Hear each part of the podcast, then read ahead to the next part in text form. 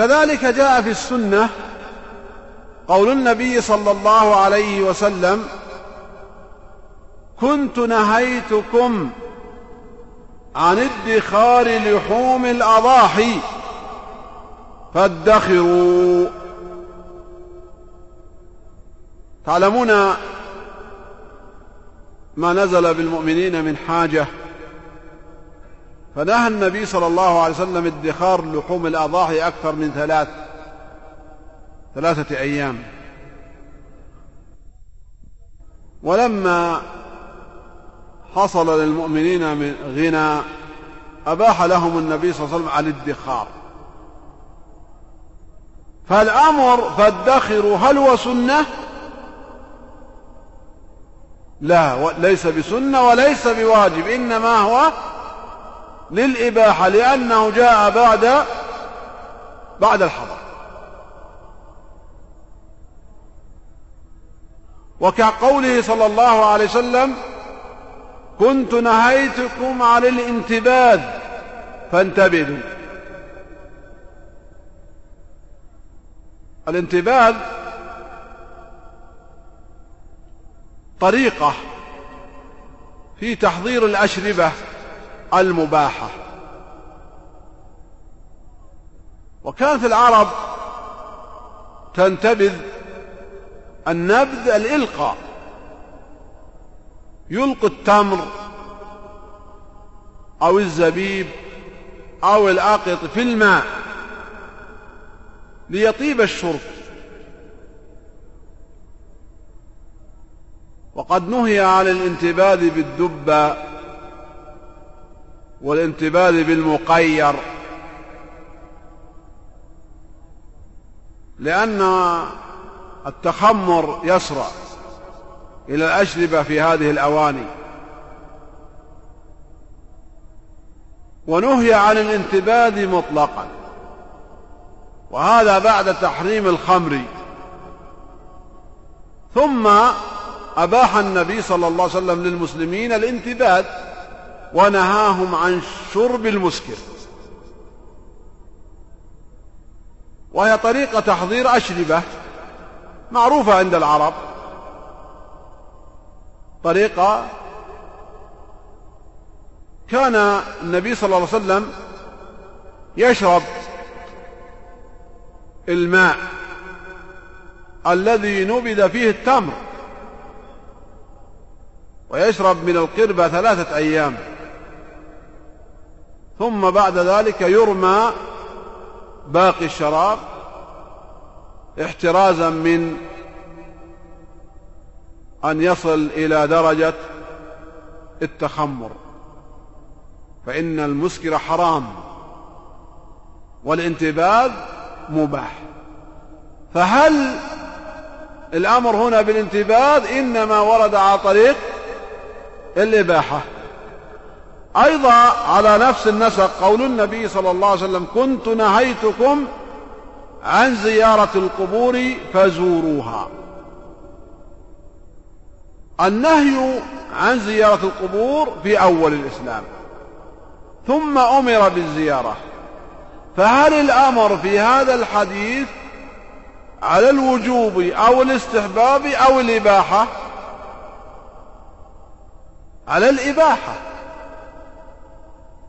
لكن ورود أدلة أخرى تدل على زيارة القبور على استحبابها من فعله صلى الله عليه وسلم ومن التعليل في روايات الحديث.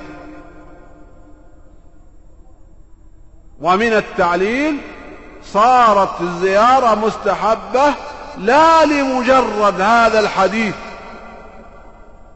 فإنه لو لم يرد في الشريعة إلا هذا الحديث لجرى على القاعدة بأن الأمر بعد الحظر على الإباحة لكن توافرت السنة القولية والفعلية على استحباب زيارة القبور لماذا؟ للتذكير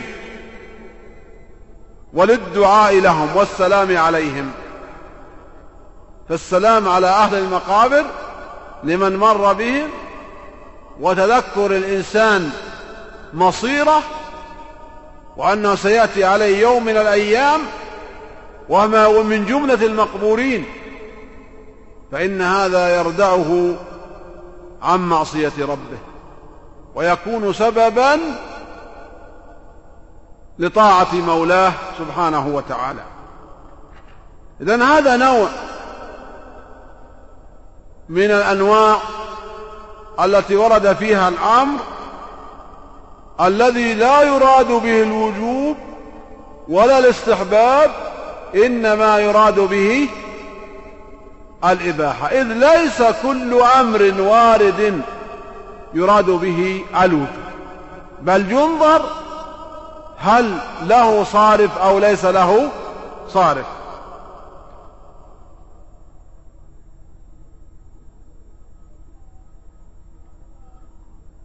أيضا من المعاني الإرشاد كقوله تعالى وأشهدوا إذا تبايعتم. أشهدوا. أشهدوا أمر. أليس كذلك؟ فهل يجب الإشهاد عند البيع؟ فلا تشتري شيء قل ثمنه. أو غلا ثمنه إلا بشهود. ونحن نرى الناس يشترون في صباحهم ومسائهم ولا يطلب الشهادة إلا عند أمور يخشوا من الآثار التي ربما عادت إليهم لكن في سائر معاملاتهم وخصوصا ما قل ثمنه يتعاملون بلا شهود. فهل خالفوا الأمر؟ الجواب لا لم يخالفوا لأن الأمر في هذا في هذه الآية إنما قصد به الإرشاد إلى ما يحفظ المصالح. لكن نجدهم في بيع العقارات في المداينات في بيع السيارات يشهدوا بل وربما لم يكتفوا بالشهادة بل يثبت الأمر عند ولاة الأمر بأوراق رسمية وهذا حسب الحاجة وحسب متطلبات الزمن. الذي يعيش الناس فيه. لكن أصل الشهادة ليست بواجبة. إذ يتعامل الإنسان مع صاحب البقالة بما سهل ثمنه وسرع أكله وصرفه بلا شهود. إذن هذا الأمر قصد به الإرشاد.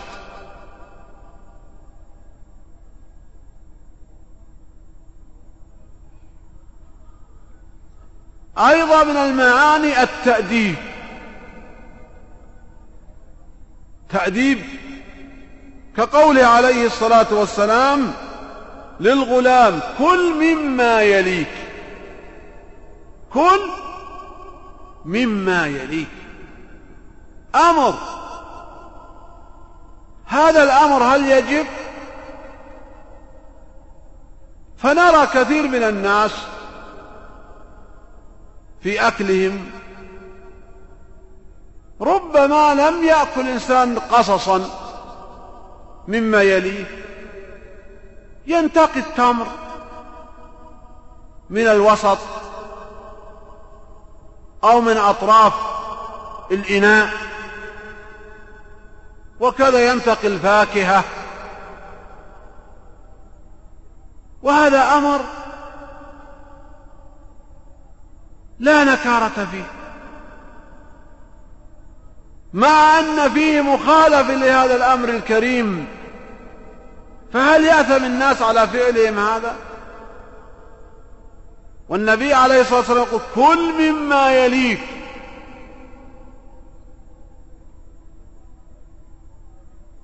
بينما نرى أنهم يلتزم هذا في الأطعمة السائلة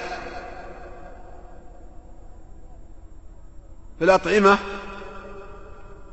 يأكل الإنسان مما يليه لكن لا على سبيل الالتزام في كل أنواع الأطعمة أليس كذلك؟ فهذه المخالفة هل تعتبر من الإثم أو من الأمر المباح؟ قالوا إن هذا بالتأديب. أمر وجه لغلام. كان يعبث في الأكل. فأدبه النبي صلى الله عليه وسلم. وعلمه بأن يأكل مما يليه. فلو أكل الإنسان مما لا يليه فإن هذا أمر متروك لطبيعة الناس والناس يفرقون فيما يحسن الأكل فيه مما يلي الإنسان ويفرقون بين ما يجوز التجاوز أليس كذلك؟ فإن هناك ما يفرق الناس به بين الأطعمة. فتجد ربما عيب على الشخص إذا أكل مما لا يليه. أليس كذلك؟ ولا يعيب عليه في أطعمة. إذا يعيب عليه في أطعمة ولا يعيب عليه في أخرى مع أن الحديث عام. يشمل الأحوال كلها. ما سبب هذا التفريق؟ سببه أن الحديث ورد للتأديب لا لوجوب الامتثال. والناس يتعدب بعضهم مع بعض ويلتزم بعضهم مع بعضنا الأدب. فلما فرق الناس في الأكل فالتزموا الأكل أكل الإنسان مما يليه وجعلوا مخالفة ذلك عيب في نوع أنواع من الأطعمة. وأجازوا وتوسعوا في ذلك بأنواع أخرى لا يعد هذا معصية ولا مخالفة لأمر النبي صلى الله عليه وسلم بل هذا الأمر صدر للتأديب.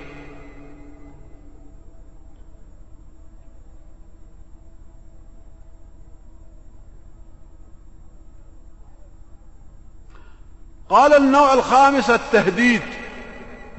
يرد أمر بصيغة الأمر للتهديد كقول الله تعالى اعملوا ما شئتم.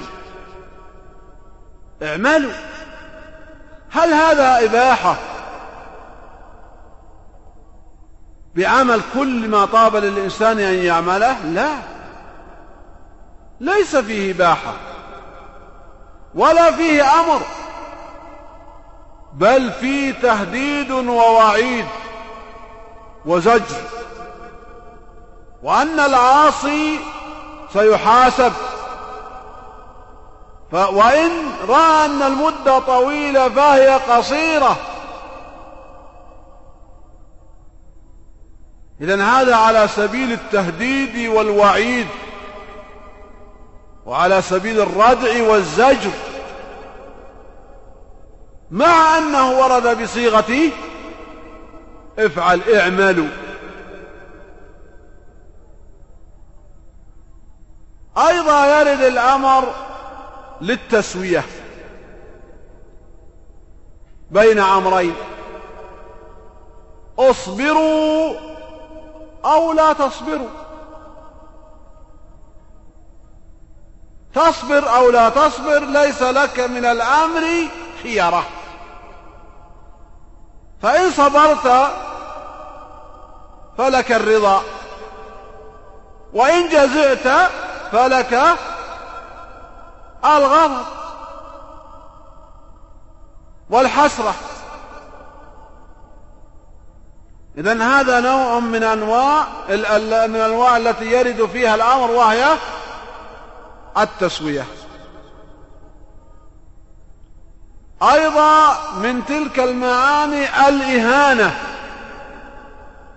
كقول الله تعالى ذق إنك أنت العزيز الكريم. ماذا يذوق؟ ها؟ الذوق للأمور المحبوبة. أليس كذلك؟ لكن هنا أريد الإهانة والإذلال. وهو ورد بصيغة افعل. أيضا يأتي بمعنى الاحتقار كقول الله تعالى فاقض ما أنت قاض. السحرة الذين آمنوا مع موسى عليه السلام وهددوا بماذا؟ بأنواع وصنوف من العذاب. هذا التهديد والوعيد لم يؤثر في نفوس المؤمنين الذين آمنوا مع موسى. فقالوا لفرعون فاقض ما أنت قاض. هل لهذا الشخص أن يأمر من, من هو أعلى منه درجة في الدنيا؟ فإن الملك والحكم لمن؟ لفرعون. فقالوا له فاقض ما أنت قاض. يعني لا يريدوا أن يأمروه أن يفعل. بل إن هذا الفعل أمر غير محبب للنفوس جبلة لكن طبيعة إيمانهم جعلتهم يقولوا فاقض ما أنت قاض. على أي سبيل؟ على سبيل الاحتقار لفرعون. لا على سبيل أنهم يأمروه ابتداء ويطلب منه فعل ذلك.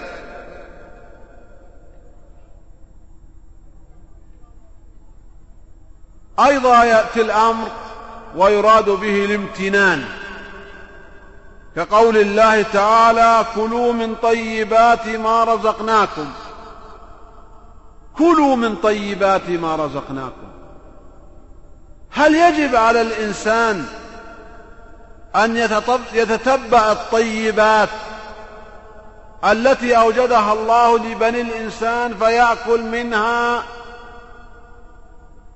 تدينا وامتثالا للأمر أو الأكل متروك له وأن هذا من باب تفضل الله على عباده؟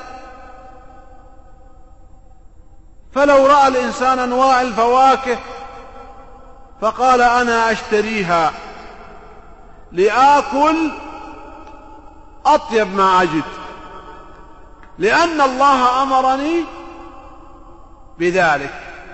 نقول لم تفهم الخطاب في القرآن. لم تفهم الخطاب في القرآن. فإن هذا لا على سبيل الوجوب. وليس أمر على سبيل الاستحباب إنما هو على سبيل الامتنان من الله على عباده.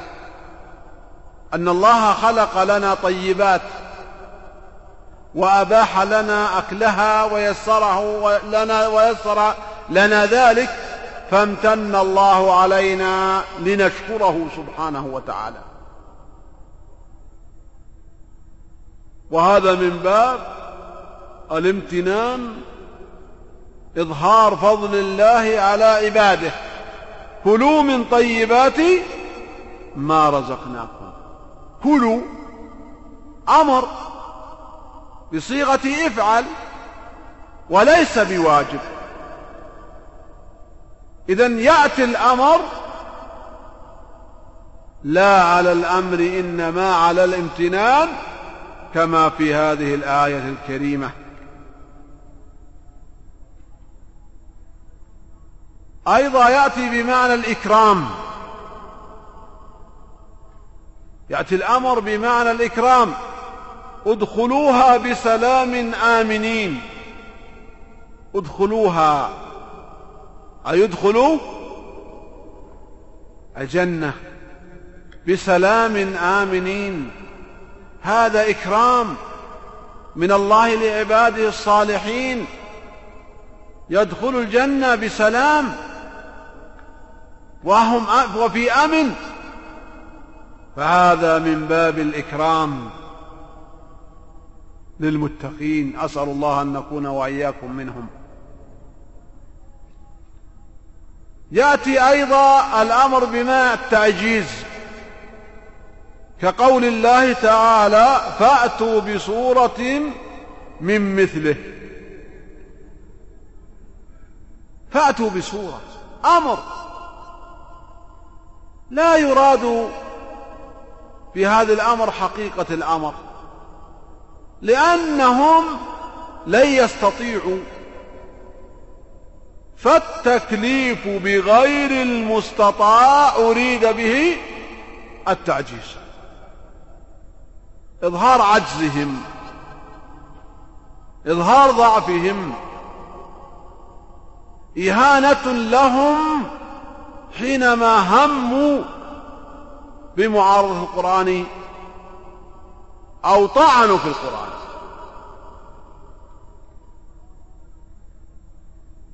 فأمروا أن يأتوا وليسوا بمستطيعين. إذن هذا أمر يراد به التعجيز.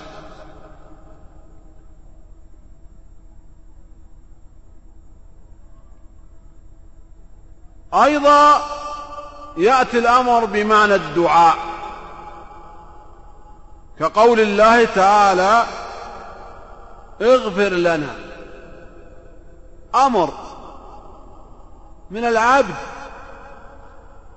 ليس بأمر إنما المراد به الدعاء. لأنه من الأدنى إلى الأعلى. ولا أحد يجرؤ أن يأمر ربه بل يدعو ربه. إذا جاء على صفة الأمر وليس المراد به الأمر إنما المراد به الدعاء. لأنه ليس على صفة الاستعلاء بل من الأدنى إلى الأعلى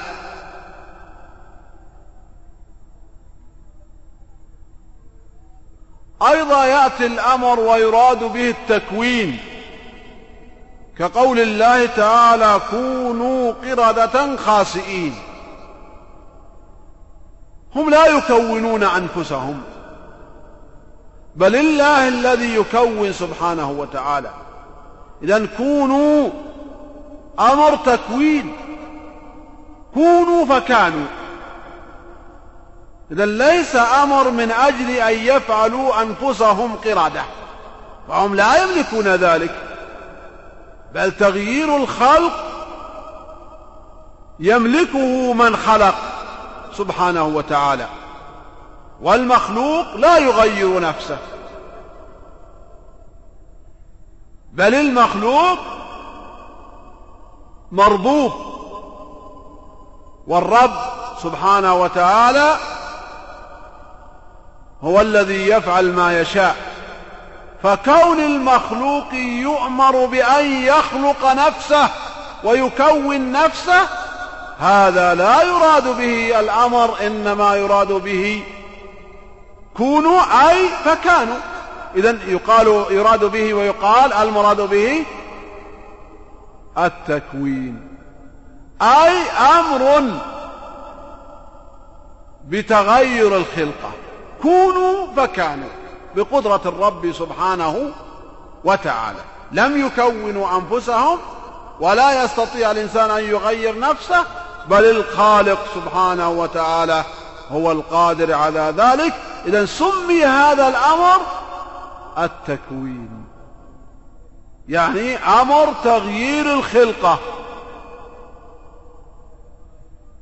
أمروا أن يتغيروا فتغيروا لم يغيروا أنفسهم إنما الذي غيره وتصرف فيهم وجعلهم قرد وخنازير هو الذي خلقهم أول مرة. تعالى الله في ملكه.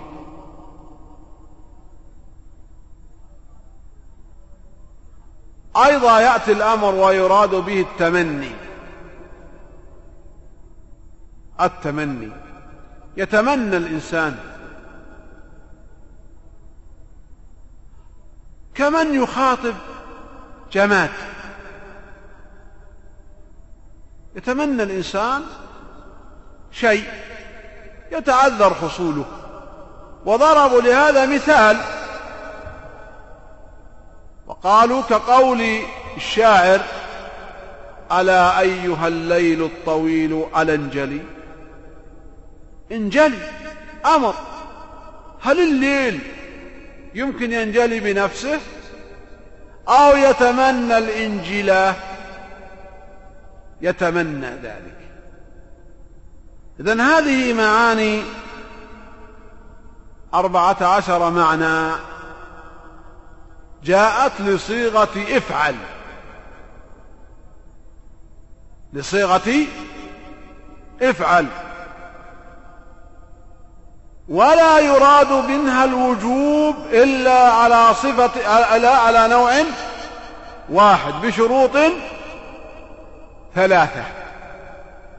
وهي أن يكون هذا بصيغة افعل ومن جهة الاستعلاء وأن يخلو من الصارف. وأما باقي الأوامر وعددها ثلاثة عشر فهي لا تدل على على الوجوب بل لها معان سمعتموها إذا إذا وقفنا على أمر في كتاب الله أو في سنة رسول الله صلى الله عليه وسلم فلا نقول بأن كل أمر في الكتاب والسنة يراد به الوجوب بل لا بد من تحديد دلالته ومعرفة المراد منه هل أريد منه الامتثال والوجوب أو, أو معنى من المعاني التي سمعتموها. إذا على طالب العلم إذا نظر في أحاديث الأحكام وآيات الأحكام أن يميز الأمر المراد به الوجوب من الأمر الذي لا يراد به الوجوب كالتأديب والإباحة وغير ذلك من أنواع الأوامر والله أعلم. وصلى الله وسلم على نبينا محمد وعلى آله وصحبه أجمعين. أحسن الله إليكم. هذا سائل يقول آه، جاء حديث عن النبي صلى الله عليه وسلم في النهي عن التحلق يوم الجمعة فما درجة هذا الحديث؟ وهل النهي يقتضي التحريم؟ وجزاكم الله خير. المراد بالتحلق الاجتماع قبل صلاة الجمعة. لأجل ألا يكون في الجمعة أكثر من خطبة ولا يتشبه الناس بصلاة الجمعة. هذا هو المراد بالنهي عن التحلق. أما إقامة الدروس بعد صلاة الجمعة كالمواعظ في المساجد والدروس التي تعقد فهذا أمر جائز وعليه فتوى المشايخ وفقهم الله. أحسن الله عليكم هذا يقول أين يقف الذي يريد أن يصلي على الميت بعد الدفن؟ هل يجعل القبر خلفه؟ ظاهر أنه يجعل القبر أمامه. لأنه يصلي على ميت وإن كان أسفل منه لكن يجعل القبر أمامه فيصلي عليه. وهذا الذي عليه عمل الناس والله أعلم.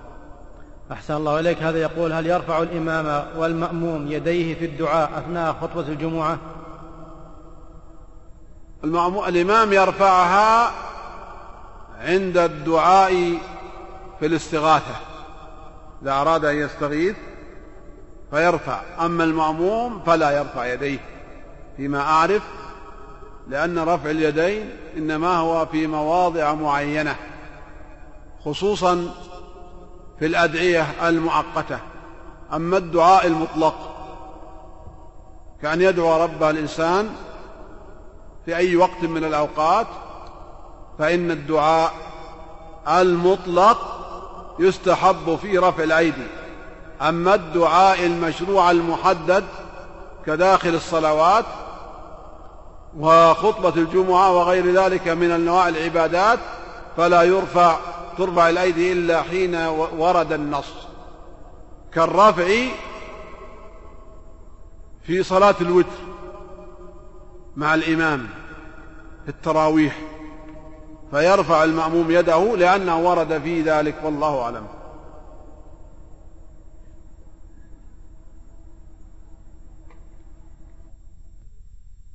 هذا الأخ ذكرني بما وعدت بالأمس يقول إنكم ذكرتم سوف تبسطون الكلام حول مسألة صلاة المغتربين ولم تذكروها في هذا اليوم.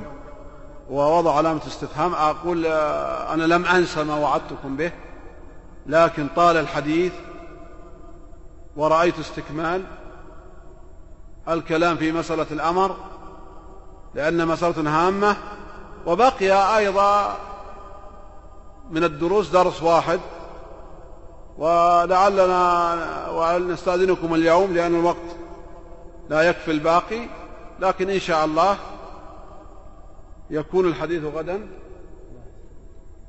لأن الموضوع يحتاج شيء من البسط وإلا فقد هيأت نفسي للكلام حول هذا الموضوع لكن كما سمعتم لقد در طال الكلام حول الأمر فأعتذركم وأستأذنكم في تأجيل ما وعدنا به اليوم إلى الغد إن شاء الله.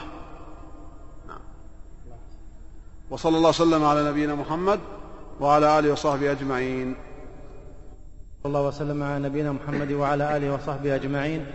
هذا سائل يقول فضيلة الشيخ هل الأمر للتأديب يدل على أن الأمر هنا للاستحباب أم للإباحة؟ بسم الله الرحمن الرحيم.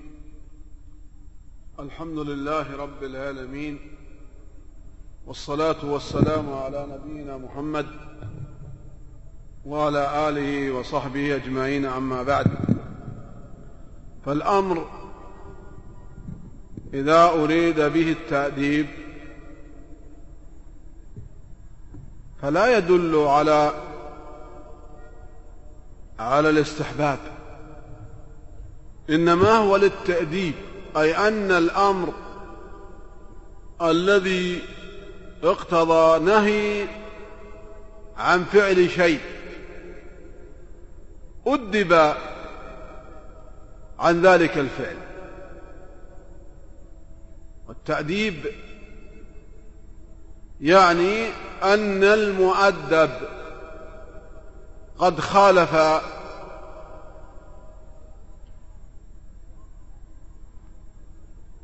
ووقع فيما ينبغي أن يؤدب عليه. هذا هو معنى التأديب. وهو يدل على أن ما أدب به من أمر وما أدب عنه من فعل وما طلب أن ينتهي عن ذلك الفعل. وأن يفعل ما هو الحسن. فالأمر على ظاهره للتأديب. وإن كان قصد السائل في نقل ذاك المؤدب من فعله الأول إلى فعله الثاني هل الفعل الثاني الذي نقل إليه. فإنه إنما ينقل إلى أمر حسن. وينهى عن أمر مكروه. اقتضى الأمر بالتأديب. والله أعلم. أحسن الله إليكم. هذا يقول فضيلة الشيخ هل تصلى تحية المسجد في مصلى العيد؟ مصلى العيد إن كان خارج المساجد فلا تصلى لأن صلاة العيد ليس لها صلاة. لا يستحب لصلاة العيد صلاة فليس ليست صلاة العيد من الصلوات التي لها رواتب. فالرواتب إنما هي للصلوات المفروضة. كالفجر والظهر والمغرب والعشاء إما قبلية أو بعدية أو قبلية وبعدية. أما صلاة العيد فليس لها راتبة. والمكان لا يستحب أعني مسجد العيد أو مصلى العيد لا يستحب لمن دخله أن يصلي فيه لأن تلك هي تحية للمساجد التي بنيت للصلوات الخمس الفرضية. إذا صلاة العيد ليس لها صلاة لا لها ولا للمكان الذي تصلى فيه. أما أن صليت صلاة العيد في المساجد المبنية للفروض الخمسة فإنها تصلى لا على أنها راتبة عيد لكن على أنها تحية مسجد مسجد الفرائض. والله أعلم. أحسن الله إليك. هذا يقول رجل فاتته صلاة العصر ولم يتذكرها إلا وهو في صلاة المغرب مع جماعة. فهل فهل يغير نيته في الصلاة أم ماذا يفعل؟ لا لا يغير النية بل يتم الصلاة التي هو فيها لأنه دخل فيها. دخل فيها فيتمها فإذا صلى صلى بعد ذلك. أما إن ذكر قبل أن يدخل في صلاة المغرب فيصلي العصر. والله أعلم. أحسن الله إليك. يقول هل يجوز أن أدخل دار الخلاء وفي جيبي شريط قرآن؟ الأصل ألا تدخل لأنه ذكر الله وإن كان لا يقرأ ولا يرى لكنه يسمع عن طريق الآلة. ف وإن لم يأخذ حكم المصحف من حيث مس الشريط لكنه له معنى له حرمة. فإن أمكن ألا تدخل فيه فهذا أمر مطلوب والله أعلم. ويقول أيضا يوجد في بعض العملات الورقية لفظ الجلالة فهل يجوز لي كذلك أن أدخل به الخلاء؟ الأصل احترام كل ما فيه ذكر الله. فإن لم تخف على عملتك العملة التي معك فلا تدخل بها. وإن خفت عليها فنظرا إلى أن المال يخشى عليه. على كل الأصل احترام أسماء الله وآياته. وهذا أمر ينبغي أن نراعيه وأن نحاول أن نتحرز من هذا والله أعلم. أحسن الله إليك. يقول مسألة الشرب قائما أو جواز الشرب قائما هو هل هو خاص بالنبي صلى الله عليه وسلم؟ قلت لكم بأن النبي صلى الله عليه وسلم لا يفعل مكروها. فهو له تشريع. شرع النبي صلى الله عليه وسلم بفعله عليه الصلاة والسلام فهو مأجور عليه الصلاة والسلام حينما فعل. لأن الفعل منه صلى الله عليه وسلم تشريع. وأما سائر الأمة فإن الفعل مكروه. ومقامنا يختلف عن مقام رسول الله صلى الله عليه وسلم. فلنا منزلتنا الدنيا ولرسول الله صلى الله عليه وسلم منزلته العليا. فيكره لنا بينما فعل صلى الله عليه وسلم ذلك تشريعا وبيانا للأمة. فعلى نبينا أفضل الصلاة وأتم التسليم. أحسن الله إليك. يقول إذا مررت بين يدي مصلي وهو لم يتخذ سترة وكان بيني وبينه ما يقارب ثلاثة أمتار فهل آثم بهذا الفعل؟ بالنسبة للمص... لاتخاذ السترة أمر مستحب وعليه جماهير الأمة. فإن اتخذ المصلي سترة فالسنة أن يدنو من سترته لأجل ألا يوقع غيره في الحرج. وله أن يمنع المار بينه وبين سترته. فإن لم يتخذ المصلي سترة فليس له حق المنع إطلاقا. من لم يستتر لأن لم يضع ستر أمامه للصلاة فلا يحق له أن يمنع أحدا. وإنما على المار أن يتقي الله. ولا يمر بين يدي المصلي سواء كان مستترا أو غير مستتر. فإن كان المصلي مستتر له حق المنع والمقاتلة. وإن لم يستتر ليس له حق المنع. وكثير من الناس لا يفرق بين الحالين فيمنع حيث لم يستتر فقد أساء في صلاته. أساء في صلاته الذي يمنع من يمر بين يديه وهو لم يستتر. والسترة لحماية صلاة المصلي. والمنع له حد محدد وهي وهو أن يمنع من يمر بين يديه. وتفسير بين يديه أمر مهم لمعرفة الحدود التي يجوز لنا أن نمر من بعدها إن لم يكن ذاك مستتر.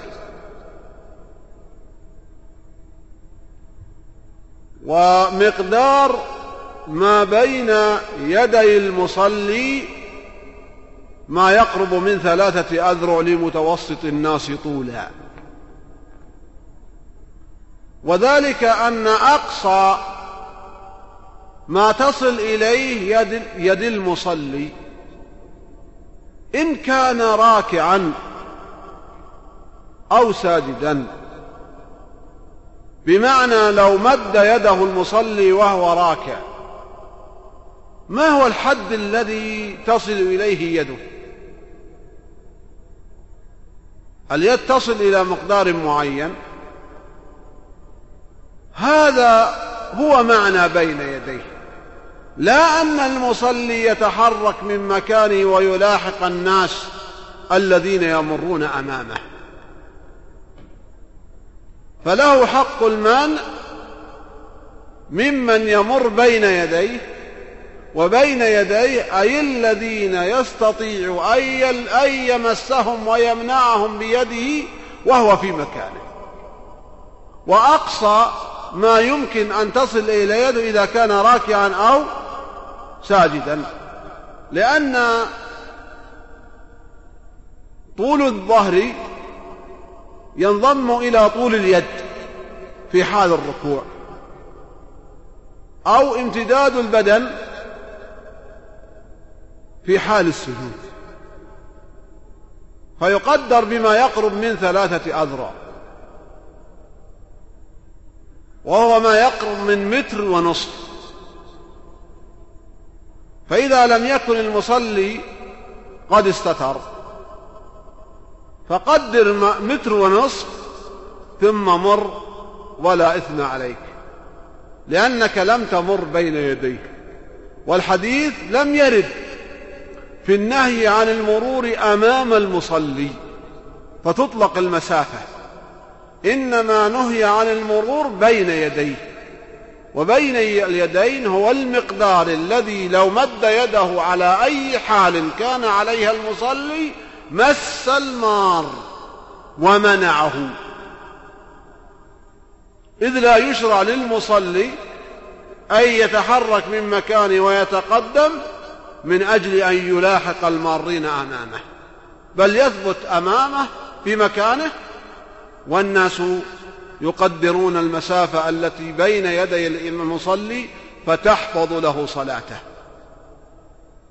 فتحفظ له الصلاة.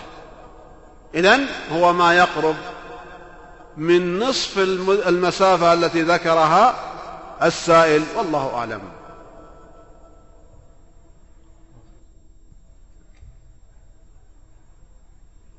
نعود بعد هذه الإجابة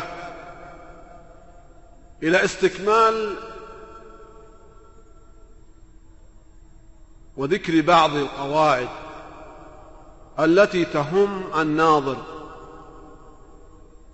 في الأدلة أدلة الأحكام الفقهية. وسبق أن ذكرت لكم شيء من الحديث في التوفيق بين الأقوال والأفعال المتعارضة. وبينت لكم شيء من ذلك. واليوم سأذكر لكم بإذن الله تعالى قاعدة مهمة وهي إذا توافقت الأفعال والأقوال. لسنا في معرض حديث عن التعارض بل التوافق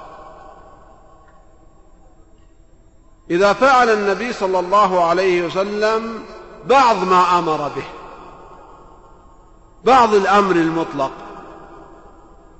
فهل فعله عليه الصلاة والسلام لبعض ما أمر به هو تقييد وتحديد؟ أو هو تأكيد وتوافر السنن على فعل واحد. وبالمثال يتضح المقال. فعندنا حديث جاء في صحيح البخاري. أن جبريل عليه السلام أتى إلى النبي عليه الصلاة والسلام وهو نازل في ذي الحليفة. آخر الليل من الليلة التي بات بها صلى الله عليه وسلم وأحرم في صبيحتها. فقال جبريل عليه السلام راويا عن ربه قال للنبي صلى الله عليه وسلم إن الله يقرئك السلام ويقول صل في هذا الوادي المبارك وقل عمرة في حجة. هذا الحديث الكريم فيه أمر بالصلاة صل والصلاة هنا لم تحدد. لا بنفل ولا بفرض. ولا فرض ونفل معا. لأن الحديث حديث مطلق. صل والصلاة إما أن يقصد بها الفريضة أو النافلة أو الفريضة والنافلة معا. وهذه القسمة ظاهرة لكم لأن الحديث لم تحدد فيه نوع الصلاة. وكان مجيء جبريل في المعرس. والمعرس هو ما ينزل فيه الإنسان آخر الليل. ونحن نعلم من سيرة رسول الله صلى الله عليه وسلم أنه خرج من المدينة بعد الظهر وصلى العصر والمغرب والعشاء بذي الحليفة قصرا قاصرا للرباعية قبل مجيء الأمر أليس كذلك؟ صلى ثلاث صلوات. ثم جاءه الأمر بالصلاة في المكان الذي صلى فيه.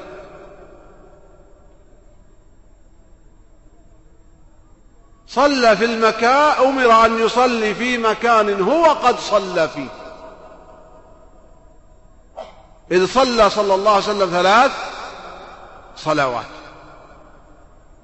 فأمر أن يصلي. صلي.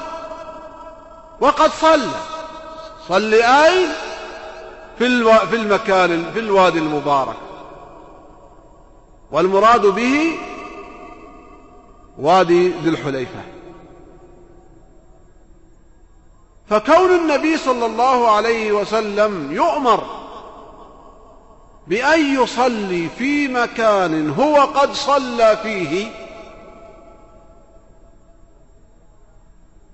يدل على أن الأمر بالصلاة ليس لمجرد المكان. أليس كذلك؟ لأنه قد صلى فيه. وهذا الأمر يدل على إحداث فعل. صلي. لا والصلاة لم تحدد. لا بفرض ولا بنفل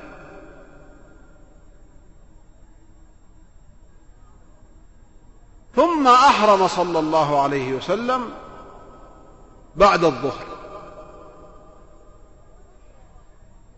فما المراد بالصلاة؟ وما الحكمة من الأمر بالصلاة؟ هل هو مجرد النزول بالوادي؟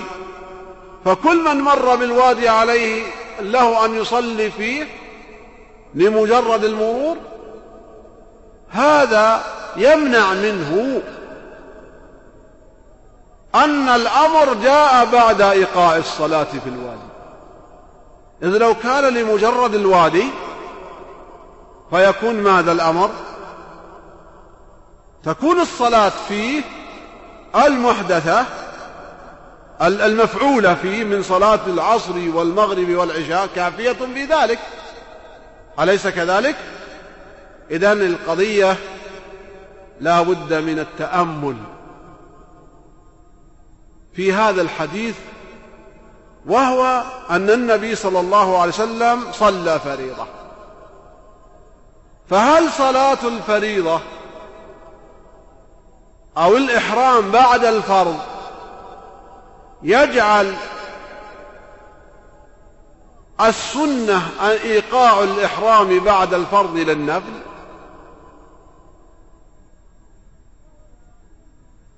هذا ما يسمى بالتقييد. والتقييد قريب من التخصيص. لكن التقييد إنما عرف بأنه من أوصاف الأقوال. إذ الأصل العمل بالدليلين ما أمكن ذلك. وأما إذا فعل النبي صلى الله عليه وسلم فعل فإنه يدل على التأكيد. أي أن الإحرام بعد الفرض سنة. دل عليها الفعل ودل عليها القول لكن يبقى الإحرام بعد النفل. هل له دليل أو ليس له دليل؟ دلالة الحديث المطلق تدل على أن إحداث الإحرام بعد الفرض أو النفل يحقق الطاعة في الأمر. صل في هذا الوادي المبارك فإن صلى نافلة وأحرم بعدها فصح له ذلك وإن أحرم بعد فرض صح وإن أحرم بعد نفل وفرض قد صح.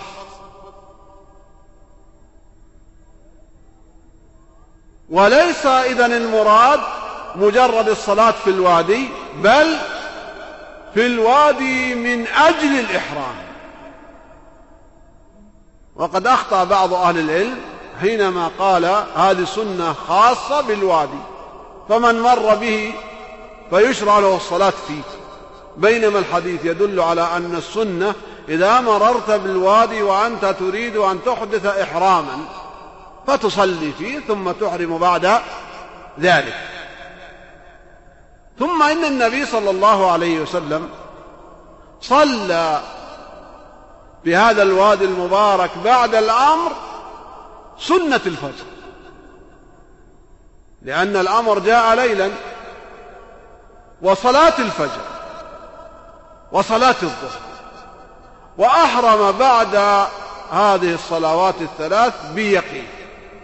لما علم منه صلى الله عليه وسلم أنه كان لا يترك سنة الفجر لا في حضر ولا في سفر. إذا إحداث الإحرام بعد الفرض سنة. دل عليها الإطلاق الأمر وسنة الفعل. ظاهر لكم هذا؟ إذا تواردت السنن الفعلية والقولية على أن الإحرام بعد الفرض أمر مستحب. وجاءت السنة القولية المطلقة على مشروعية إحداث الإحرام بعد بعد النفل. إذ أن الفعل وهو صلاة الإحرام بعد الفرض لا يقتضي النهي عن الإحرام بعد النفل لماذا؟ لأنه لا مفهوم للأفعال. إنما المفهوم للأقوال. وبهذا يترجح مذهب جمهور الأئمة الأئمة الأربعة من استحباب الإحرام بعد صلاة فرضا كانت أو نفلا. لماذا؟ لأن الفرض قد دل عليه الفعل. ولا خلاف فيه بين أئمة الإسلام. ويشهد له الأمر. لأنه دلالة من دلالات إطلاق الأمر. الأمر المطلق. وأما النافل فدل عليه الأمر المطلق. ولم ينهى عنه الفعل. لأنه لا مفهوم للأفعال. إنما المفهوم للأقوال. إذا هذا توفيق وطريقة جمع بين ما بين الأمر الذي فعل النبي صلى الله عليه وسلم بعض دلالته. مثال آخر. يوضح القضية. قال صلى الله عليه وسلم العمرة إلى العمرة كفارة لما بينهما. الحديث لم يحدد مدة ولا أيام بي فواصل بين العمر. أليس كذلك؟ لم يحدد النبي صلى الله عليه وسلم بل أطلق العمرة إلى العمرة. ليس للعم فاصل بين العمرتين في الحديث. هل هناك فاصل؟ لا لأن النبي صلى الله عليه وسلم قال العمرة إلى العمرة كفارة لما بينهما. يعني إذا فعلت عمرة ثم فعلت عمرة أخرى طال الزمن أو قصر هما يكفران ما بينهما من من الذنوب بلا تحديد أيام. جاء المالكية رحمة الله عليهم وقالوا لا السنة الاعتمار في السنة مرة واحدة. لماذا؟ لأنه لم يؤثر عن النبي صلى الله عليه وسلم إلا عمرة واحدة في كل عام. فنقتصر.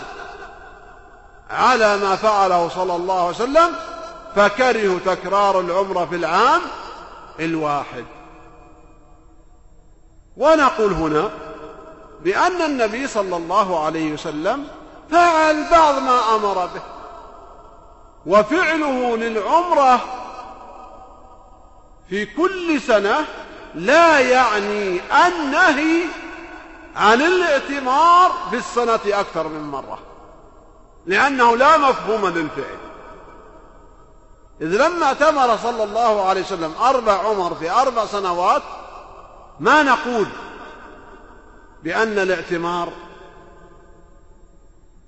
أربع مرات في كل عام يدل على النهي عن تكرار العمرة في السنة بل ما كان به صلى الله عليه وسلم من مشاغل وغير ذلك وهذا الفعل لا يعني النهي. فتبقى دلالة حديث العمرة إلى العمرة باقية. ويكون الاعتمار في العام مرة واحدة سنة والزيادة زيادة في السنة. فلا يعني اقتصار النبي صلى الله عليه وسلم على بعض ما أمر به النهي عما لم يفعله.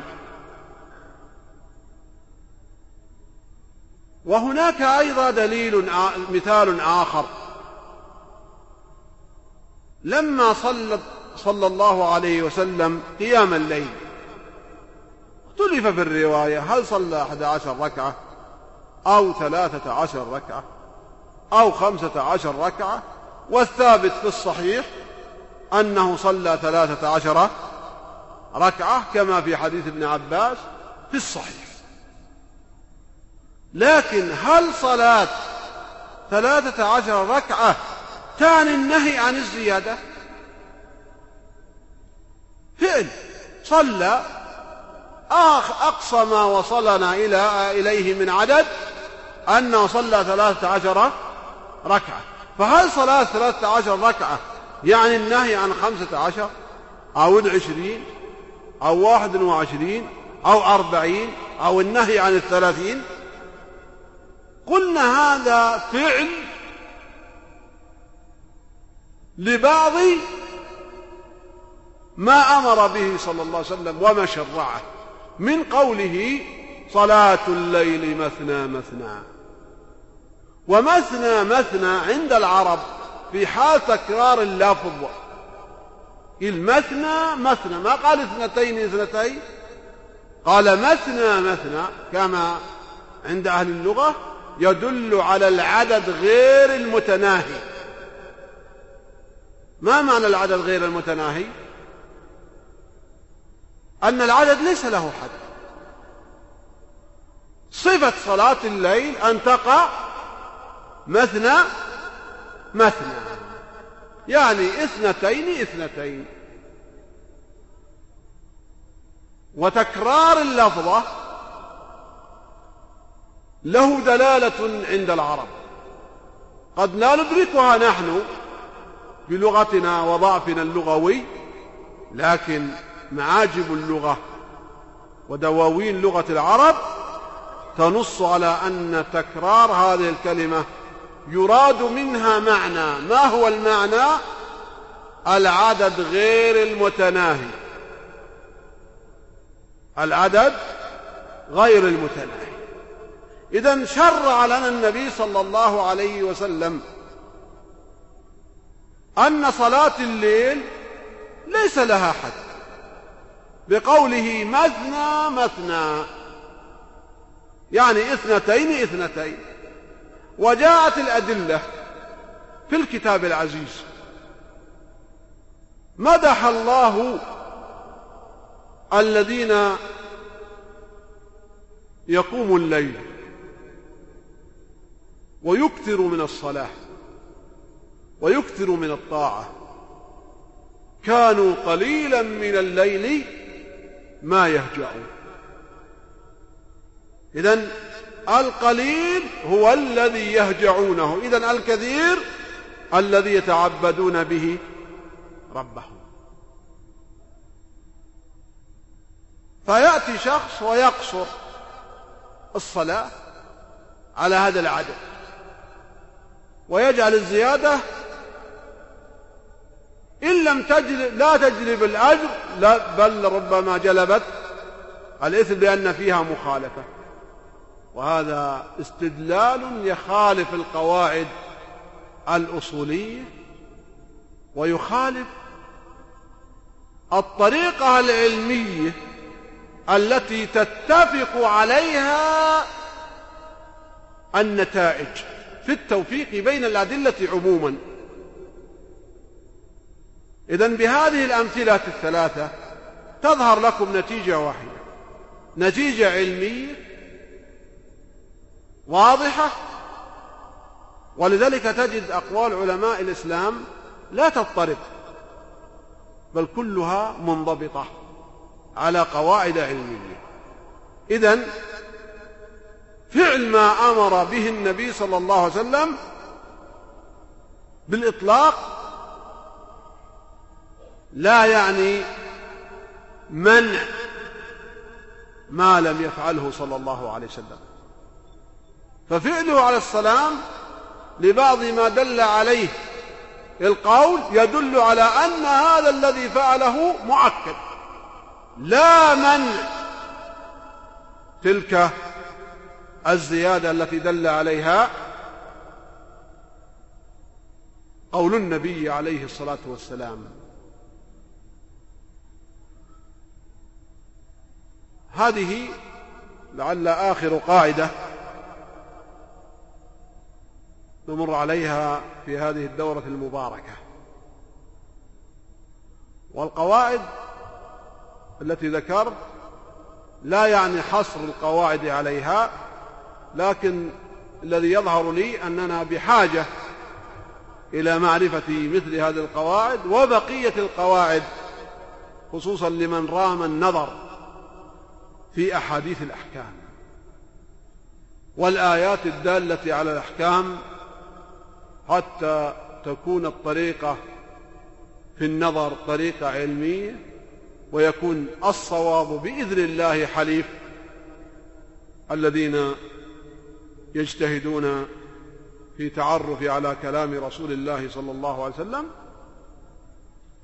وهناك منة من الله تعالى تن بها على هذه الأمة.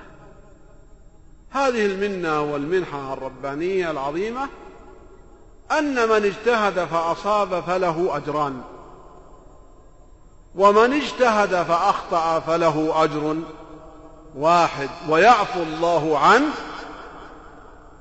الخطأ. هذه تيسر لنا سبيل الطلب. لكن لا تدعونا للكسل والجرأة على أحكام الشريعة. فإذا بذل الإنسان جهده واجتهد في تحرير المسائل والتمس الطرق التي تعينه بإذن الله تعالى على الوصول للخير فلا يلزم أن يصيب حكم الله في المسألة. ولا أحد يجرؤ على أن يدعي أن ما يقوله أو يفتي به هو حكم الله. بل حكم المتكلم واجتهاده وما أداه إليه النظر فإن كان صوابا فله أجران وإن أخطأ بعد بذل الجهد والاجتهاد فالله يعفو عن الخطأ ويكتب له أجر مقابل الاجتهاد. إذن علينا أيها الإخوة أن نتعاون على البر والتقوى وأن نبذل الأوقات لمعرفة السبل التي تكون بإذن الله تعالى معينة. على معرفة الحق. فمن أصاب فله أجران ومن أخطأ فله أجر واحد. وهذه في الحقيقة متنفس لطلبة العلم الذين يحاولون معرفة الحق. فعلى هذا فإن جميع إن شاء الله علماء الأمة مأجورون خصوصا أعني بهم أهل السنة والجماعة الذين سلكوا السبل النيرة واتبعوا صحابة رسول الله صلى الله عليه وسلم. ولذلك فإن كلمات أئمة الإسلام كلها نصح للأمة. إذا رأيتم قولي يخالف الحق فاضربوا بقولي عرض الحائط. لا تعصب للأقوال إنما القصد نصرة هذا الدين العظيم. أسأل الله أن نكون وإياكم من أنصار الدين. وهناك مسألة كما تذكرون بالأمس أجلت من من الذي قبله وهي مسألة المقيم مدة معينة. إذا أقام هل يقصر أو لا يقصر؟ وكثير من الإخوة الذين يشاركوننا في هذه الدورة ربما احتاجوا إلى مثل هذا لأن الأمر بل إن الأمر يهم الجميع. والأدلة جاءت واسعة. أحاديث نبوية كريمة وآيات قرآنية وآثار عن السلف رحمة الله عليهم. وجمهور الأمة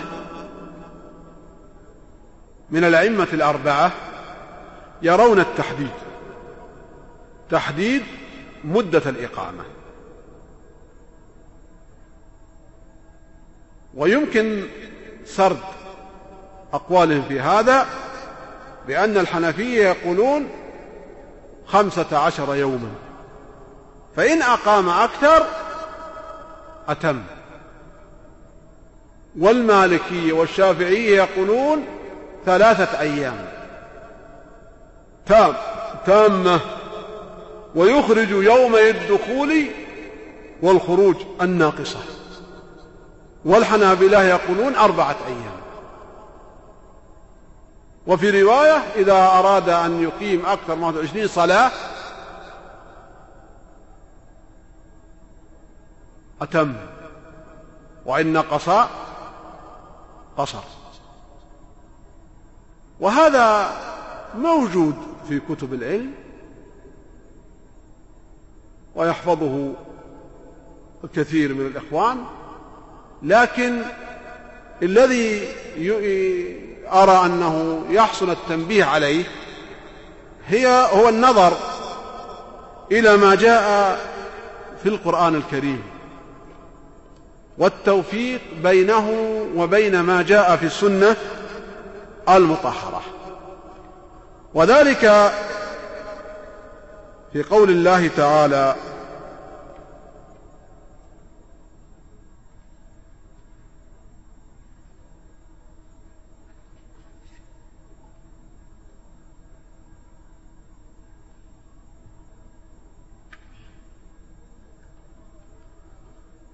في قول الله تعالى ليس عليكم جناح أن تقصروا من الصلاة. إن خفتم أن يفتنكم الذين كفروا. الآية نفت الإثم ليس عليكم جناح. والمراد بالجناح الإثم. أن تقصروا من الصلاة. بل في قول الله تعالى وإذا ضربتم في الأرض فليس عليكم جناح. وإذا ضربتم في الأرض فليس عليكم جناح. الآية الكريمة وإذا ضربتم في الأرض قيدت أن القصر لمن ضرب. ومفهوم الشرط هنا أن من لم يضرب فماذا عليه؟ عليه ألا يقصر. إذن الأصل في الإنسان أنه يتم ويقصر إذا ضرب لأن الآية جاءت بالشرط وإذا ضربتم في الأرض فليس عليكم جناح أن تقصروا من الصلاة. فمن لم يضرب فإنه ماذا؟ يتم. ومن ضرب قصر إذا مفهوم الآية ظاهر. ما هو المفهوم؟ أن من لم يضرب أتم. إذا ما هو ما المراد بالضرب هنا؟ الضرب ما هو؟ الضرب إحداث. فعل في شيء. ضربت الغلام أحدثت ما يؤلمه. إذن الضرب هنا كناية عن ماذا؟ عن السير في السفر. والإنسان إذا مشى على الأرض كأنه يضرب الأرض.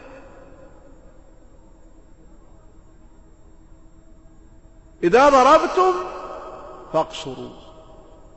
فإن لم تضربوا فأتموا. إذن الأصل الإتمام. لماذا؟ لأن القصر جاء بالشرط. فأخرج جواز القصر من عموم الأحوال. وهي أن الإنسان لا يقصر إلا إذا ضرب. هذا معنى الآية وأكد هذا المعنى بالآية الثالثة بقوله فإذا اطمأننتم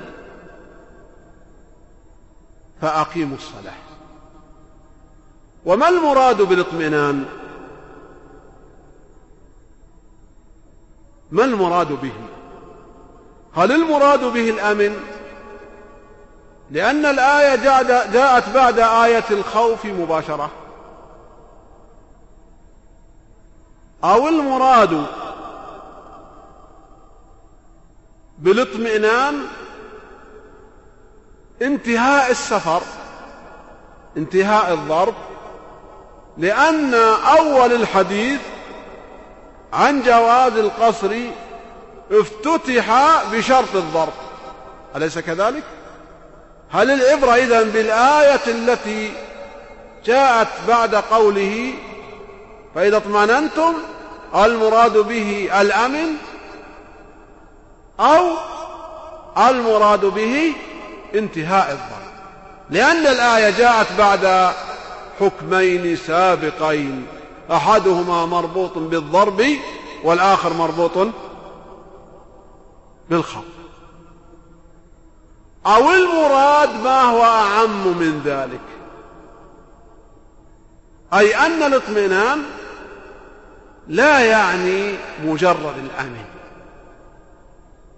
ولا يعني مجرد عدم الضر بل الاطمئنان كما دلت عليه لغة العرب الاطمئنان ذهاب الخوف وانقطاع السير. وهذا ما دلت عليه لغة العرب وهو الذي يظهر في الحكمة الربانية من ترتيب الآيات الثلاث. فإذا اطمأننتم جاءت بعد آية آيتين هما آية الخوف والسفر. فالآية إذن فإذا اطمأننتم الاطمئنان عند العرب هو ذهاب الخوف من القلب وذهاب الحركة من البدن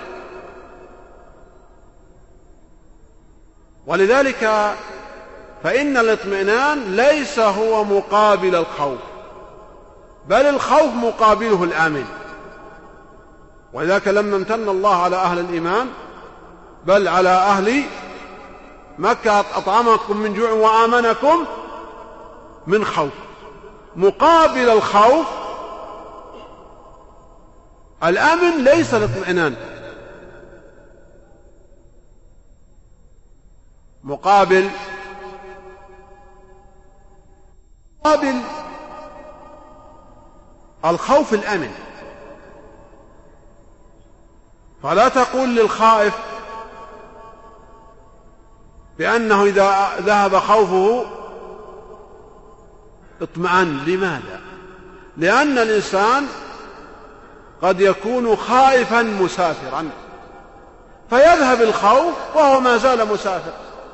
فيقال هذا مسافر آمن ولا يقال مسافر مطمئن. إذ أن الاطمئنان أوسع دلالة من كلمة آمن. بل الاطمئنان هو حصول الأمن وذهاب الحركة عن البدن فمن انقطع سيره وذهب خوفه وجب عليه الإتمام. فضع حالك يا أخي في دلالة الآية. فالايه أوجبت على كل من انقطع سفره يعني ضربه. وذهب خوفه أن يتم أن يقيم الصلاة. وليس المراد بإقامتها مجرد الائتيان بها بل المراد إتمام الصلاة. لأن أهل الإسلام يؤدوا الصلاة وهم في حال الخوف وفي حال السفر لكن يؤدوها على وصف ويؤدوها حال الاطمئنان على وصف آخر. إذا هل المراد بالاتيان أو بإقام الصلاة حال الاطمئنان مجرد الاتيان بها ولو كان على وصف صلاة المسافر أو على وصف صلاة الخائف؟ ليس المراد ذلك.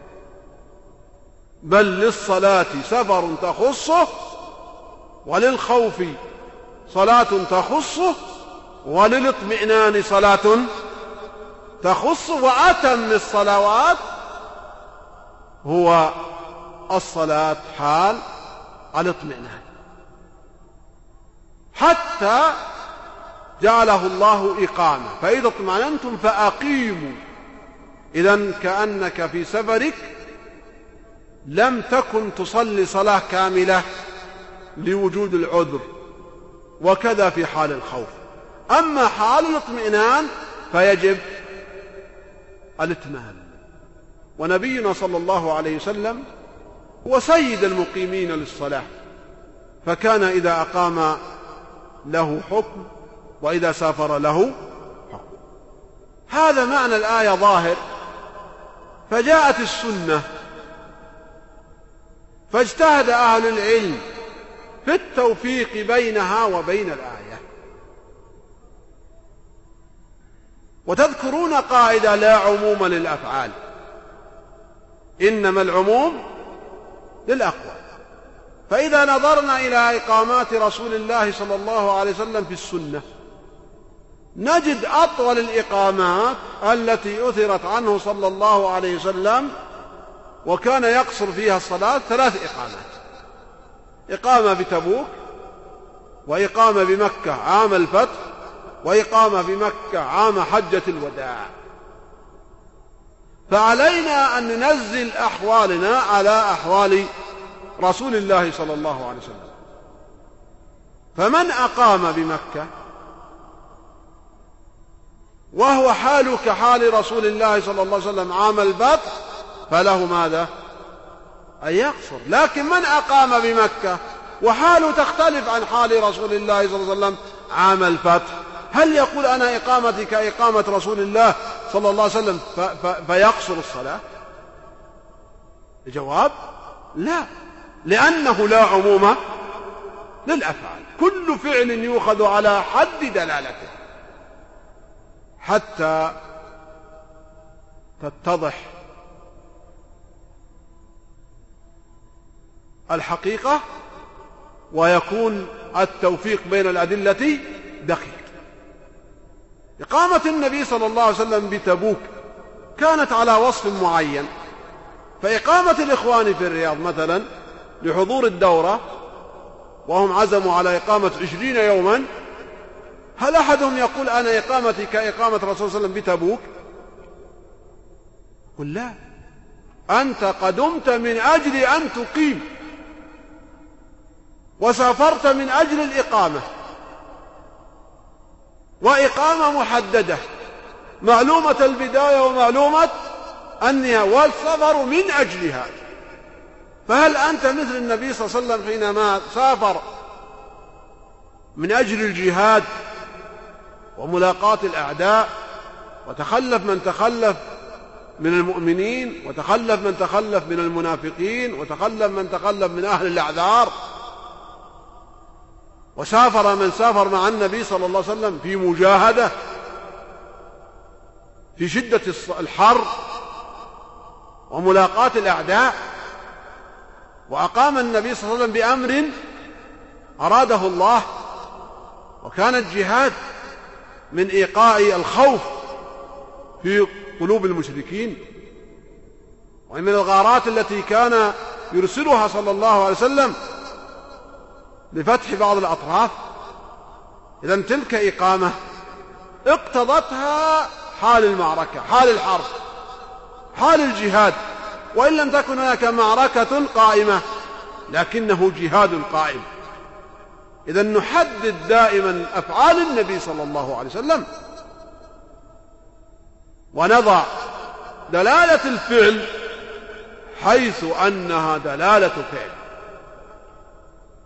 أما إقامة النبي صلى الله عليه وسلم عام حجة الوداع فنظر أهل العلم إلى أن الحج كان قد حدد زمنه وقد حج أبو بكر قبل النبي صلى الله عليه وسلم والنبي عليه الصلاة والسلام يعرف طريق كم يستغرق طريق مكة المدينة وهو في حال أمن.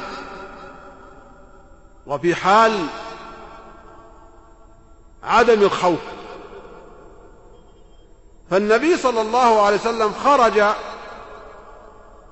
في الرابع والعشرين من ذي من شهر القعدة ووصل إلى إلى مكة في الرابع من ذي الحجة.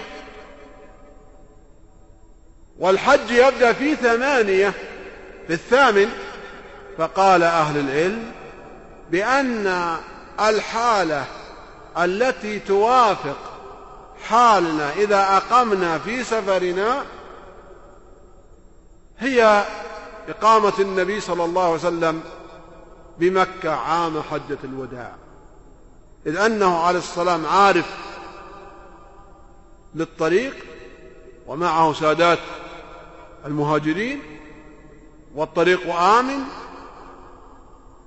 والحج بدايته محددة إذن هي إقامة مقصودة قبل يوم التروية فقال أهل العلم من أقام مثل إقامة النبي صلى الله عليه وسلم وقصد أن يقيم أيام كإقامة النبي صلى الله عليه وسلم في عام حجة الوداع فله القصر. ومن زاد فلا. لماذا؟ قالوا لأن الآية قال الله فيها فإذا اطمأننتم فأقيموا الصلاة. إذن عندنا آية وعندنا حديث. هذه هي حجة الجمهور في تحديد الأيام. أخذوا هذا من دليلين. دليل الكتاب ودليل السنة. الكتاب قول الله تعالى فإذا اطمأننتم فأقيموا الصلاة. الأصل كل من انقطع سفره أن يتم الصلاة. جاء الاستثناء في الأربعة وما زاد يرد إلى الآية. وربما بعض الإخوة ظن أن ما زاد ليس له دليل بل يرد للآية لأن الله أوجب علينا الإتمام حال الاطمئنان. فعلينا إذن أن نوفق بين الآية وبين الحديث. فيستقيم الأمر وهذا ما عليه الجمهور الحنابلة والشافعية والمالكية. جعلوا الحكم منوط بإقامة رسول الله صلى الله عليه وسلم بمكة عام حجة الوداع والكلام على الإجابة على الاعتراضات كثير ويهمنا هنا تحديد هذين الدليلين. أنهما هما الواردان في حال إقامة من سافر فأنت مربوط بالآية والحديث. إذا, زا إذا الأصل في من أقام أنه يتم جاءت السنة فخصت أربعة أيام أو ثلاثة أيام على الخلاف في التفسير فهذا هو القول الراجح فيما أعلم والله أعلم وأستغفر الله لي ولكم وصلى الله وسلم على نبينا محمد.